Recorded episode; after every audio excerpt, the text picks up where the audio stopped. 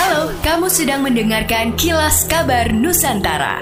Podcast persembahan KG Radio Network menyajikan berita harian yang mengangkat keunikan dari berbagai wilayah Indonesia. Kilas Kabar Nusantara dapat juga didukung oleh pengiklan loh. Eits, ingin belajar soal mengelola keuangan dan juga investasi bersama ahlinya? Check out podcast Cuan Cari Untung bareng teman. Persembahan Motion KG Radio Network by KG Media yang tayang setiap hari Rabu hanya di Spotify. Di tahapan pendaftaran Capres-Cawapres di KPU diperkirakan baru September 2023, sejumlah parpol diprediksi telah mendeklarasikan Capres yang diusung di akhir 2022. Deklarasi dini bermanfaat untuk kepentingan parpol. Sejumlah tokoh yang berpeluang maju sebagai Capres kian intensif berkomunikasi dengan sesama tokoh politik maupun partai politik.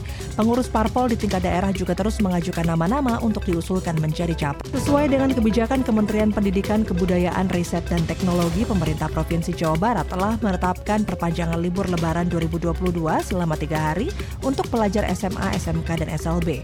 Pemprov Jawa Barat pun mengimbau pemerintah, kabupaten kota untuk mengikuti kebijakan tersebut dengan memperpanjang libur untuk jenjang SD dan SMP.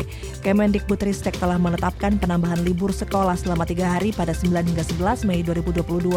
Penambahan libur sekolah tersebut berlaku di tiga provinsi yaitu DKI Jakarta, Banten, dan Jawa Barat. Demikianlah kilas kabar Nusantara pagi ini.